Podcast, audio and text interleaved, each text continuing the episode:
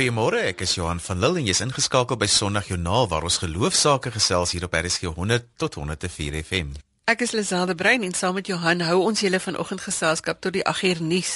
Betty Oosthuizen van Nylstrom het laat weet hulle is ingeskakel en daarmee saam groet ons sommer almal wat vroeg wakker is. Hendrik Strydom van Petrus Steyn het reeds 'n paar dinge op die plaas afgehandel vanoggend en hy sê hy ontspan nou lekker met 'n koppie koffie en beskuit voor die radio.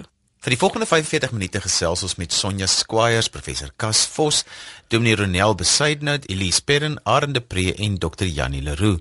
Jy hoef natuurlik niks mis te loop nie want jy kan ook Sondagjoernale se potgooi gaan aflaai op RSG se webwerf by rsg.co.za.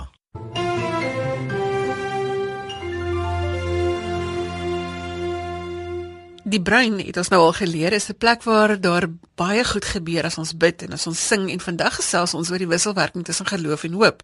Die wisselwerking tussen die hart en die brein totdat God se beloftes in vervulling gaan en om ons hiermee te help vanoggend sluit Sonja Squires by ons aan. Sonja is 'n breinkenner en gaan vir ons vertel hoe die dinge werk. Môre Sonja? Môre Lisel. Sonja, in jou professionele opinie, wat is die verskil tussen geloof en hoop? Weet jy, dit is 'n baie spesiale vraag daarin, want daar is definitief 'n verskil. Hoop uh, gaan oor iets wat in die toekoms is, 'n verwagting wat jy het. Dis iets wat jy nog nie kan sien nie, maar daar's 'n belofte gewees en dis hoekom jy nou hierdie verwagting of hierdie begeerte of hierdie opgewondenheid het oor die toekoms. En dan geloof gaan daaroor om vertroue te hê. Vertroue soos die woord dan sê in iemand wat natuurlik die Here Jesus is en God homself ook vertroue dat hy sal doen wat hy gesê het. So gewoonlik geloof en hoop is twee verskillende dinge, maar hulle word aan mekaar gekoppel deur 'n belofte. As daar nie 'n belofte is nie, kan jy nie hoop hê nie. Maar as jy eers 'n belofte het, dan kan hoop opstaan want daar's iets wat jy verwag wat nog moet gebeur. Maar die vraag is nou net, het jy geloof? Glo jy dat God dit kan waarmaak? So wat ons vind in die brein, kom daar 'n fokus in die brein die oomblik as daar iets gesê word of gedoen word wat 'n verwagting koppel vir die toekoms. En die brein fokus dan op daardie spesifieke ding wat in die toekoms is en kyk maar hoe gaan ons daarby uitkom? En dan kan die brein nou partykeer sy eie plannetjies opmaak om vir jou by daardie hoop uit te bring dat dit in vervulling gaan en dis gewoonlik waar daar dan moeilikheid kom. Want geloof is 'n ding wat in die hart is en geloof moet op die Here fokus. En as jy nie op die Here fokus nie dan kan jy met jou eie plannetjies hardloop wat uit jou brein uitkom om iets waar te maak. En dan kry jy natuurlik teleurstelling. So hoekom is beide geloof en hoop nodig vir die vervulling van God se beloftes? Dit is interessant want die Bybel sê dat hoop uh, bring vir jou geduld en hoop maak dit vir jou moontlik om te kan vasbyt en te kan volhard. Maar geloof is nodig want as jy nie glo dat God 'n waarmaker van sy woord is, as jy nie glo hy het vir jou 'n belofte nie, gaan jy ook nie hoop vir iets nie. Jy gaan nie uitkyk vir iets nie. Jy gaan nie luister of hy dalk vir jou ietsie wil gee of beloof of wil wys watter wonderlike planne daar in die toekoms is nie. So hoop is gewoonlik die eerste stappie want hoop maak dat jy uitsien na iets. En geloof maak dan dat jy die Here vertrou, hy sal dit waarmaak. Anders doen jy jou eie ding. Die oomblik as geloof daar uh, nie nie daar is nie, dan vind jy dat 'n mens geneig is om uh vas te hou by ander idees, ander planne, ietsie kort van dit wat God self bedoel het. Daar's 'n baie mooi voorbeeld in die Bybel daarvan met Abraham en Sara want toe die Here vir hulle 'n belofte kom gee van 'n kind, want hulle het nie hoop gehad vir 'n kind nie. Dit kan jy sien daaruit Genesis 14 en 15 toe God met hulle praat. Toe sê die Here nee, maar ek gee vir julle 'n belofte, julle sal 'n kind hê. Toe kry hulle skielik hoop, daar's iets om na uit te sien. Maar weet jy wat is toe die interessante ding? Hulle het swak liggame gehad. Hulle was al 86 Abraham en Sara was nie veel jonger nie en die Bybel sê daarso toe Sara 'n plan gekry en sy is die een wat toe ietsie uitgedink het met haar verstand. Wat sal nou moontlik wees op grond van wat haar sintuie kan sien en wat nou prakties en realisties is. En sy het toe die plannetjie aan Abraham verkoop, naamlik dat hy eerder met haar slavin moet slaap en so sal hulle 'n kind hê. Maar wat toe gebeur is 'n paar jaar later, 13 jaar inteendeel, dit was 'n redelike lang tyd. Toe kom die Here weer na hulle En toe sê hy vir hulle, "Nee, hy gaan vir hulle kind gee." Toe sê Abraham, "Maar ek het 'n kind. Hier is Ismael, sien hom dan."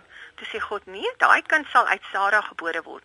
En so kan ons sien dat Sara se idees, hoe sy gedink het oor haarself in haar brein, haar verwysingsraamwerk, het gemaak dat toe God se belofte na haar kom, sy die eerste keer nie die Here kon vertrou, want sy het gedink, "Maar kyk, dit kan tog nie uit my wees nie. Dan moet dit op 'n ander manier werk en boonop moet ek die Here so 'n bietjie help, want dalk gaan hy dit nou nie kan doen as ek nie ietsie doen nie." So dit was alles hekkies wat sy moes spring en goed wat sy moes deurwerk in haar geloofslewe met God wat gemaak het dat dit vir haar moeilik was in die begin om hom net te vertrou hy sal dit self doen. So Sonja, wat se les is daar vir ons hier uit te leer oor hoop en geloof? Weet jy, die eerste les is dink ek vir my is dat as jy God volkome vertrou, as jy geloof het, dan moet jy ook toelaat dat hy vir jou die plan wys om by sy beloftes uit te kom. Want weet jy, 'n belofte van God, jy lees in sy woord, hier staan 'n belofte, die Here sê ek sal vir jou 'n huis gee, of hy sê ek sal jou groot nasie maak, of wat ook al die belofte is wat jy nou nodig het in jou lewe. God gee vir jou 'n belofte uit sy woord. Nou kry jy hoop in jou hart. Maar dan moet jy hom volkome ook vertrou. Jy moet die geloof hê dat hy die antwoord sal gee. Hy sal self die plan hê en hy sal dit self uitwerk. Jy moet net gehoorsaam bly. Maar jy moet ook besef, jy is 'n integrale deel van God se antwoord. Hy gaan nie as hy vir jou 'n belofte het, vir jou daar op die kantlyn laat staan en uh, jy moet maar net toe kyk hoe die belofte 'n uh, belofte in vervulling gaan nie. Nee, hy gaan vir jou intrek en jy moet dit help uit werk uitleef in geloof. Want geloof is 'n aksiewoord. Geloof is om te doen. So, Sarah het gedink sy hoef dit te doen, nie Hagar moet doen. Maar dit werk nie so nie. As die Here vir jou belofte het, gaan jy moet doen en jy gaan in geloof aan hom moet vashou om die regte goed te doen, nie die verkeerde goed nie. Sonja baie dankie dat jy ver oggend vir ons hierdie kwessie opgeklaar het dat daar 'n verskil is tussen geloof en hoop en dat dit saamwerk in ons brein en dat ons moet vertrou. Dankie Lisel. Dit was die stem van Sonja Squires. As jy sopas ingeskakel het, sê ons goeiemôre. Dis Sondag Joernaal saam met Johan en Lisel waar ons fokus op geloof en godsdiens. Gaan maak gerus 'n draai op RSG se webblad by rsg.co.za vir inligting oor ons gaste vandag. Ons gaste se kontakdetail is ook op Sondag Joernaal se Facebook bladsy. Deel gerus met ons stories uit jou geloofgemeenskap en wie weet, dalk gesels ons binnekort met jou oor hoe geloof 'n verandering in jou gemeenskap maak. Terwyl jy nou die woord gemeenskap gebruik, Johan, gaan ons sommer een van die dagboek inskrywings nagaan.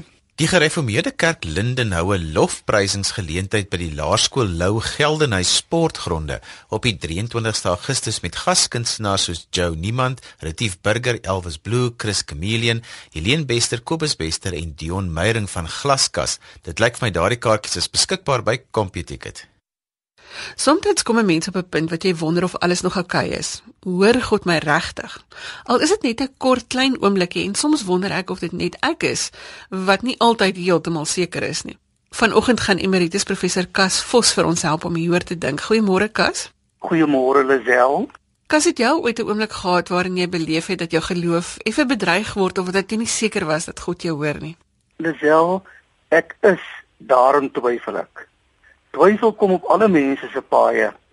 As ek sien hoe rukkerig die aarde koers kwyt beheer, dan twyfel ek. As ek kyk na die berge vol rematiek en plooie, dan twyfel ek.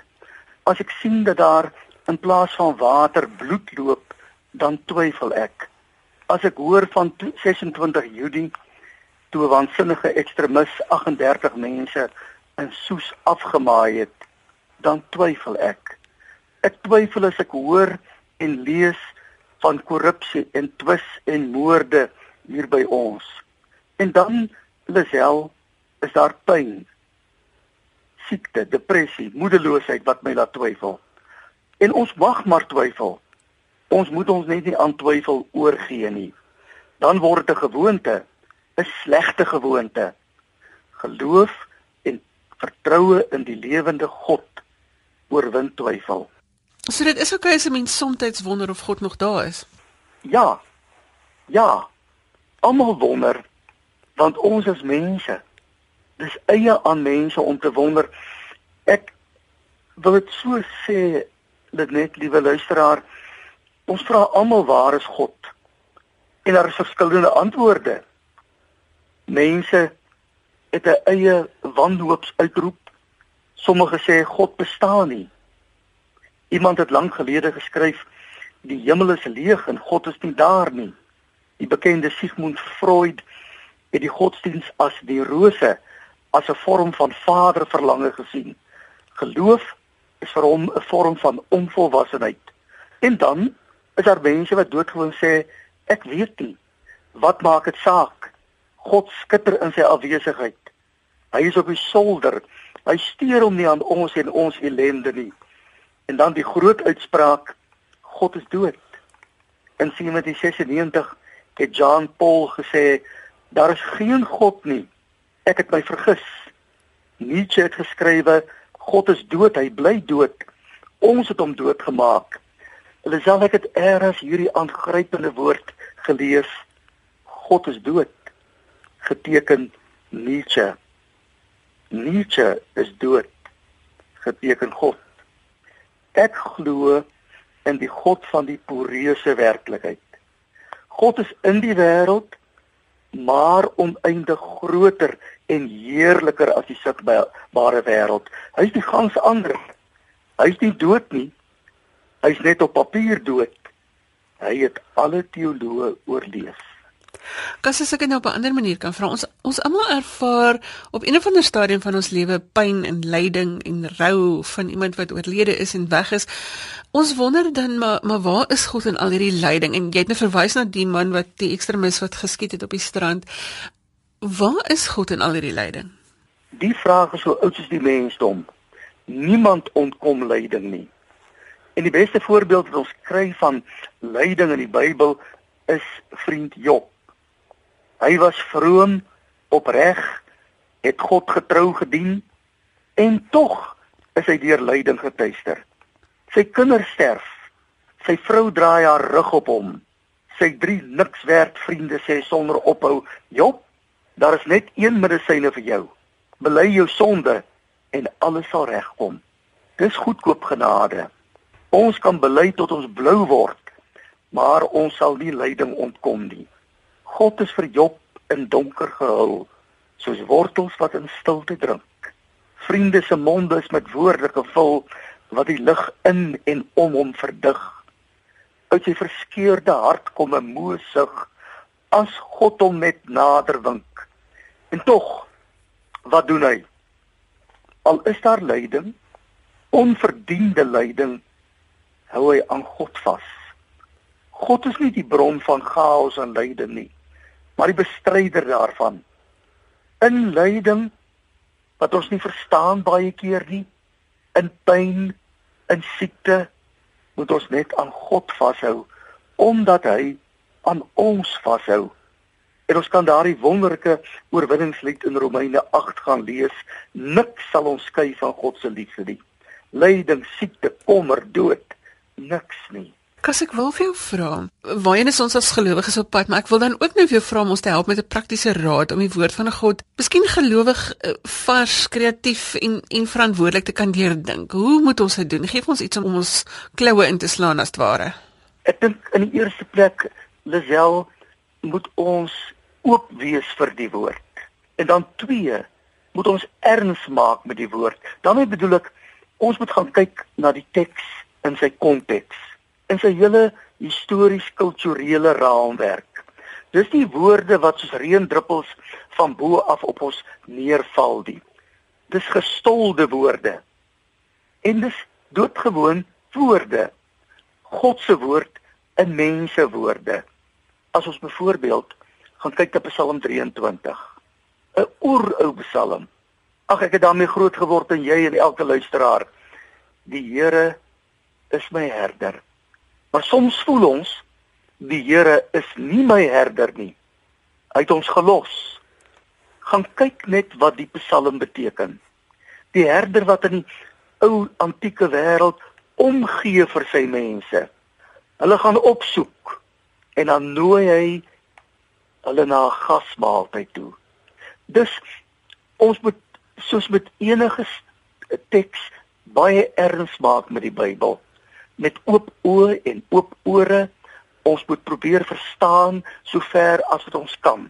En dan dink ek Lisel moet ons ook onderskeid maak tussen die soort teks wat ons het. Daar is verhale, daar is gelykenisse en die psalms is doodgewoon gedigte. En 'n gedig het sy eie aard. Daar is metafore, beelde en ons moet met elke soort teks erns maak en dit dan in ons konteks, in ons situasie vir ons omtaal, omtoer, toeëien. God praat met ons. Kas baie dankie dat jy ver oggend met ons gesels het. As iemand weet van gedigte, dan is dit professor Kas Vos want hy het al sy 9de digbundel die lig laat sien. Kas baie dankie dat jy vir ons vanoggend gehelp het om so 'n bietjie oor die woord te gesels. Ek lei af jy sê ons moet maar die woord ken en ons moet weet waarmee ons besig is. Dankie dat jy ver oggend jou insig met ons gedeel het. Dieselfde was 'n groot voorreg. Baie baie dankie. Dit was emeritus professor Kas Vos in gesprek met Lazel.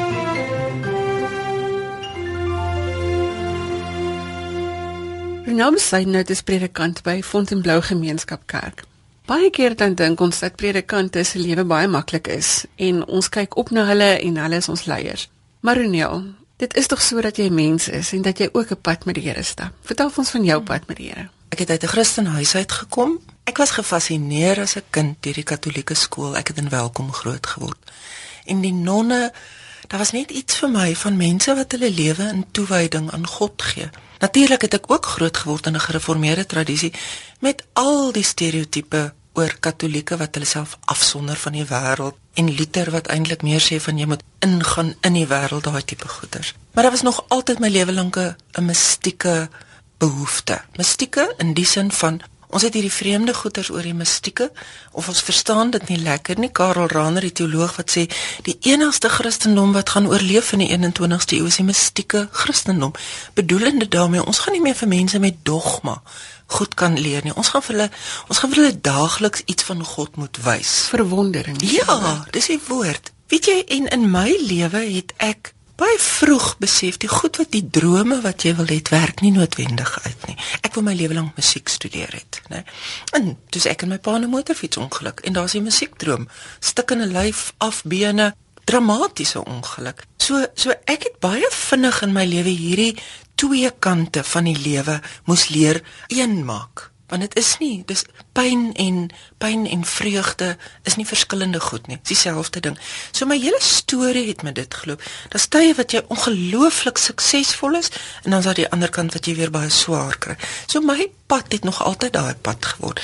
Ek het teologie gaan studeer met baie groot oortuiging dat dit is wat die Here wil hê ek moet doen né? En ek glo dit vandag nog steeds.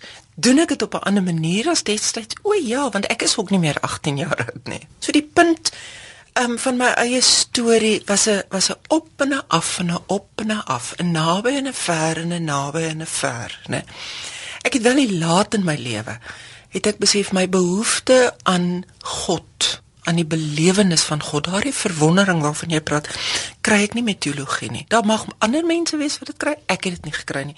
Nog 'n graad nog 'n M, nog 'n honeurs, nog 'n doktorsgraad. Ek het hierdie ongelooflike groot kop brein ontwikkel, maar ek het baie min verstaan wat Karel Rahner sê van die mistieke teologie. In my lewe kom dit met seer kry, swaar, vreugde, al daardie goeders het jy nodig, né? Nee. Ek is nie in 'n spiritualiteit van dit gaan net altyd met jou goed nie. Inteendeel, ek dink jy het donker nagte nodig waar jy jouself moet leer stroop. Daar's 'n mooi aanhaling of 'n sinnetjie wat ek altyd van Jung onthou maar ek het later 'n bietjie in die sielkunde gaan studeer. En hy het op 'n stadium gesê, die vrae wat jy in die oggende van jou lewe gaan hê, gaan ander vrae wees en ander antwoorde nodig hê as jy in die middag van jou lewe is. Dit mag bloot wees dat ek op daardie ouderdom van my lewe is wat ek wil sê ek weet genoeg. Ek is 'n belese, bereuse mens en tog is dit nie genoeg nie. Wat gebeur met 'n vrou die oomblik as sy 50 word? Ek het nie 'n vreeslike belewenis daarvan gehad van hier's nou skielik iets anders wat gebeur die dag as jy nou verjaar nie.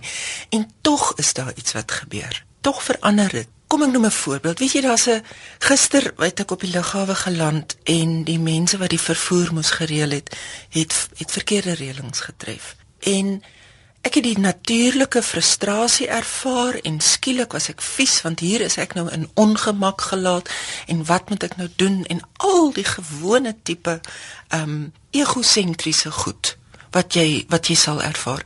En skielik is dit die gees, is dit ervaring, is dit 50ers? Ek weet nie 50er jare.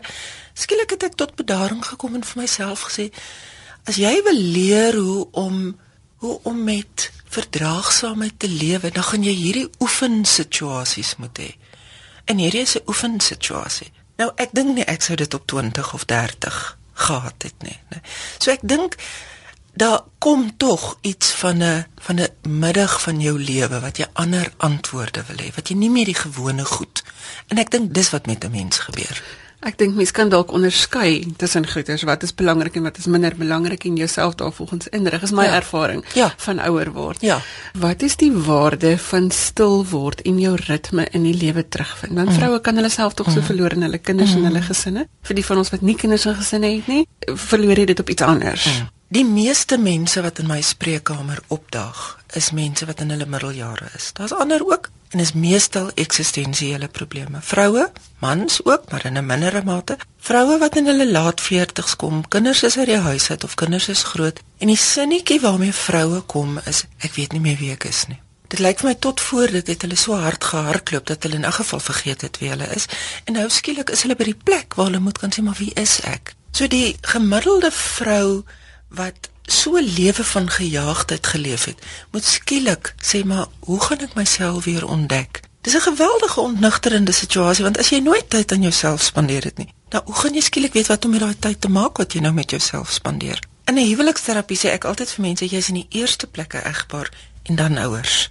Nou wil ek dieselfde vir vroue sê. Jy's in die eerste plek jouself en daarna fragmenteer al hierdie verskillende goed. En ons dink nie so nie. Ons dink ons moet hierdie suksesvolle fragmente wees. En as iemand na my toe kom en sê word stil, dan gaan ek vir daai persoon gaan sê jy gaan nie verstaan wat dit beteken nie. So kom ons begin eers gesels oor hoe lyk jou alledaagse lewe. Ek nooi mense gewoonlik om saam met my te kom stil word, net om 'n stuk begeleiding te doen. Want om skielik vir iemand te sê gaan word stil, jy weet nie wat om jouself te maak nie. Jy wil iets van God hoor, en skielik is daar niks wat jy hoor nie. En omdat ons so in beheer wil wees en hierdie behoefte aan sukses wil hê, dan het ons skielik 'n ding van ag dit werk nie en dan los ons dit.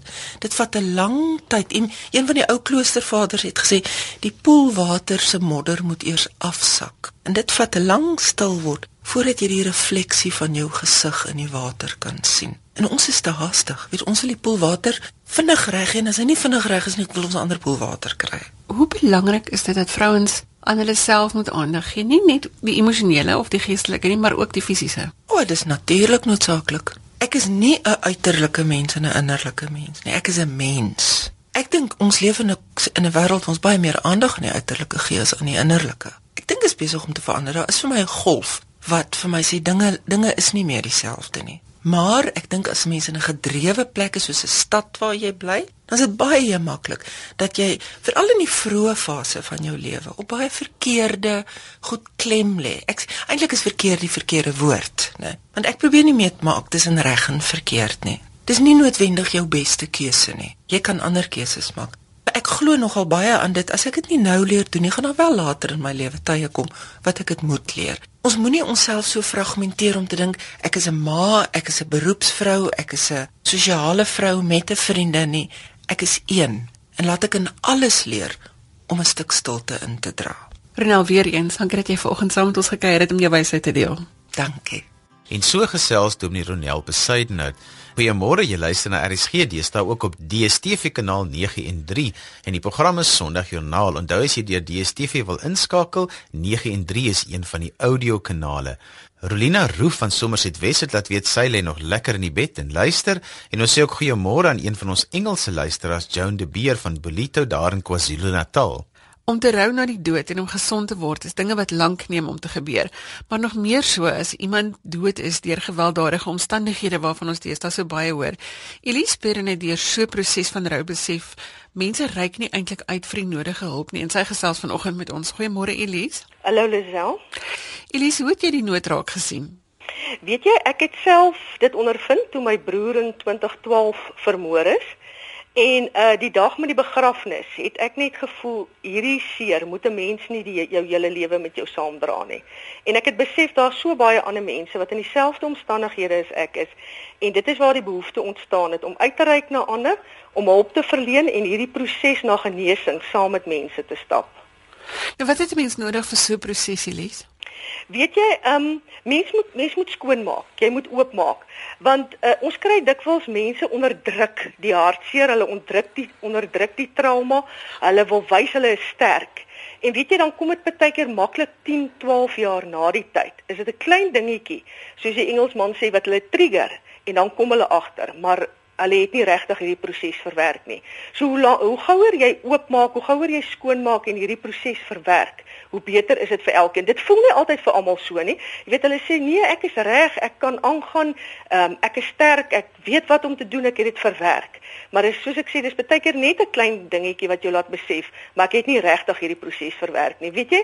En ek voel ook mense sit half aan jouself en aan jou geliefdes verskuldig, want jy is nie die enigste een in daai omstandighede nie. Jy teen teen nog ander broers of susters of 'n ma of 'n pa of wat die geval ook al is en as as die persone dit nie verwerk nie, vertroebel dit ook daardie onderlinge verhoudinge.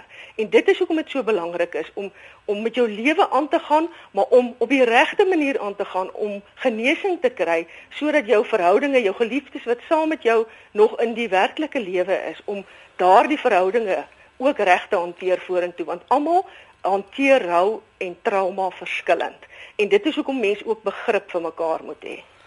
Ek dink die woord rou is eintlik trauma nie, want dit is nogal traumatiese omstandighede waarin 'n mens jouself bevind wanneer jy rou.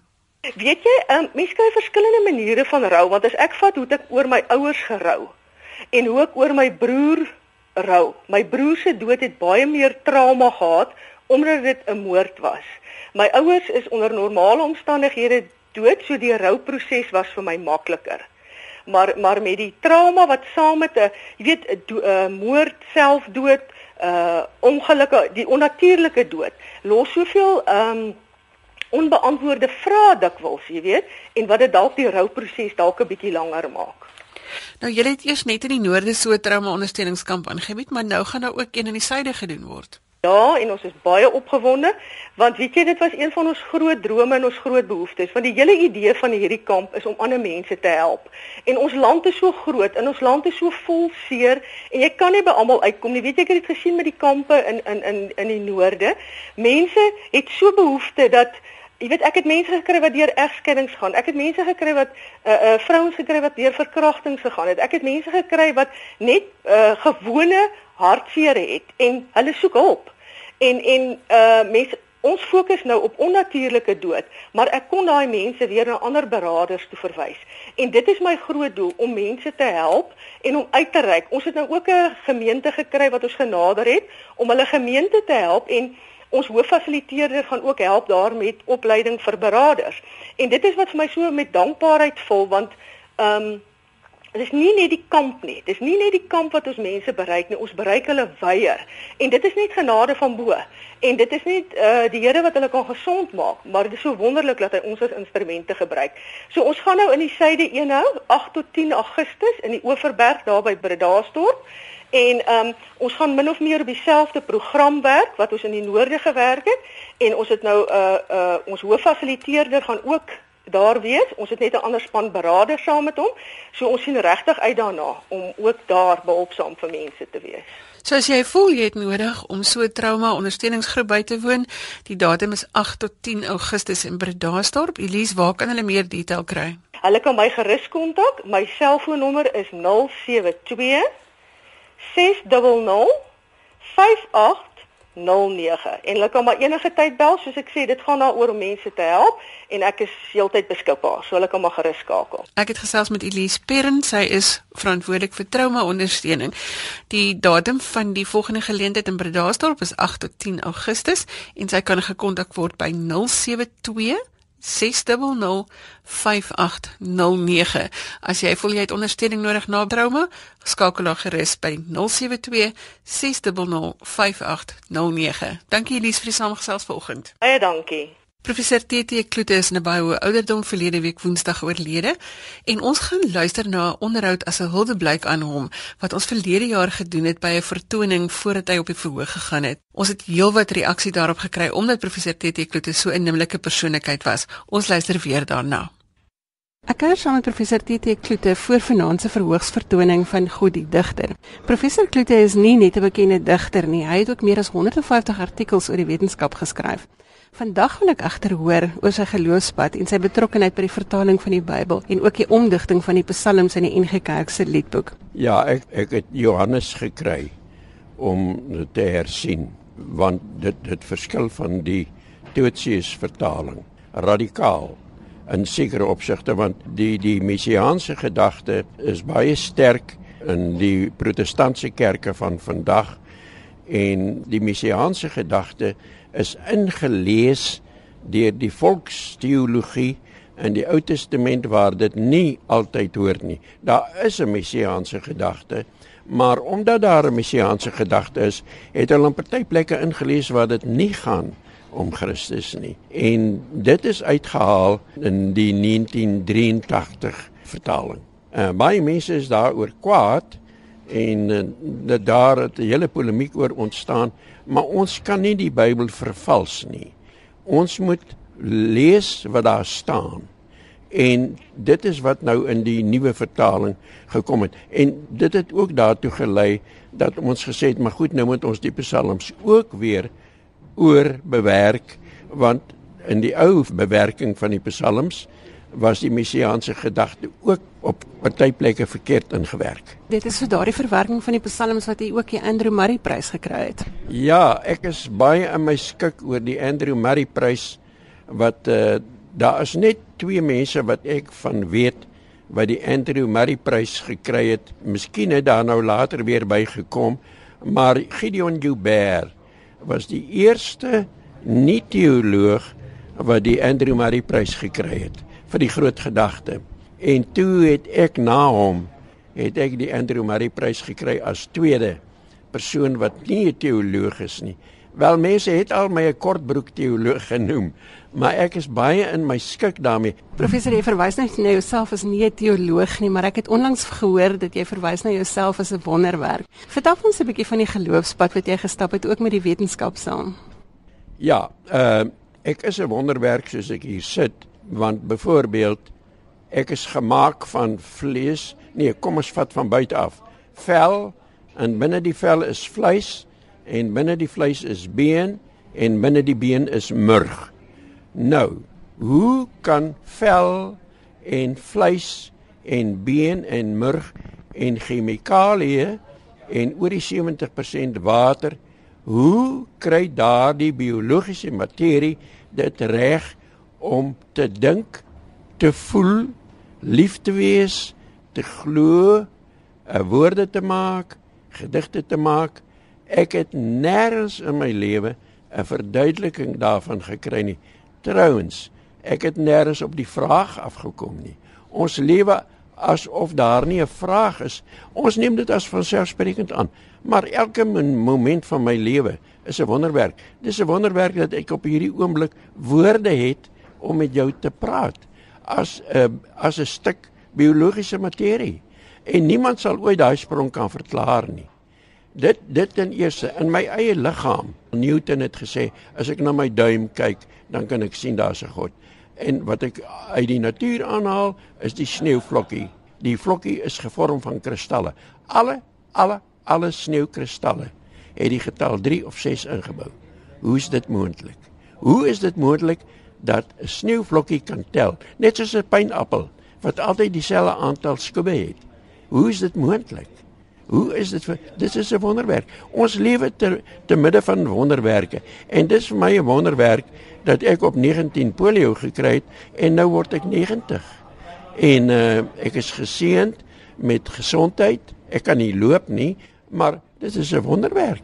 Dis 'n wonderwerk dat ek 90 word en nog gedigte kan skryf. Kom ons praat 'n bietjie oor die gedigte. Jy sê dat die digkuns die skille van jou oë afhaal. Ja, dit is die taak van die digter myns insiens om oor dinge te praat wat ander mense verbygaan. Mense st uh, staan op, ontbyt, uh, gaan badkamer toe, ontbyt, klim in hulle diermotor, ry werk toe, werk, kom terug, lees koerant, kyk TV, eet, gaan slaap en is in 'n eindelose rotine gevang en hulle verwonder hulle nie aan die skepping nie. Hulle verwonder hulle nie aan die vlieg wat onderste bo teen die dak kan sit nie. Hulle slaan hom dood as hulle nie. Maar el, elke keer wat jy 'n vlieg doodslaan, ek weet dit is 'n lastige ding, maar elke keer wat jy 'n vlieg doodslaan, slaan jy 'n wonderwerk dood sonder dat jy dit weet. En dis wat die digter moet doen. Die digter moet met nuwe oë kyk na die werklikheid. En mense leer om met oop oë, oop sintuie die werklikheid te beleef.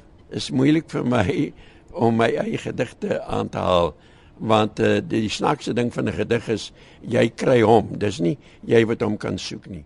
Maar wat ek in God die digter beskrywe is dat uh uh daar's meer poësie in die natuur.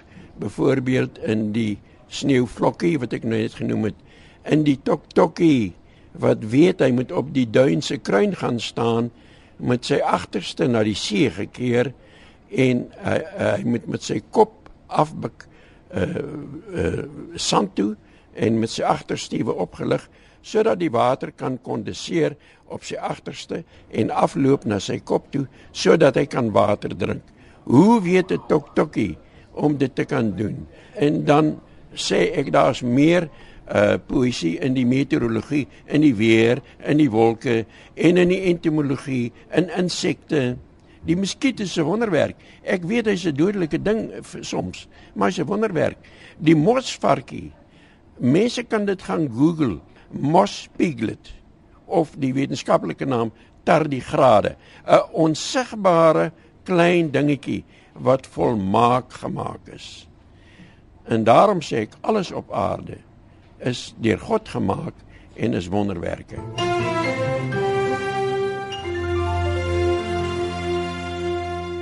Volgende Sondag is ons weer terug met nog nuus uit die geloofswêreld.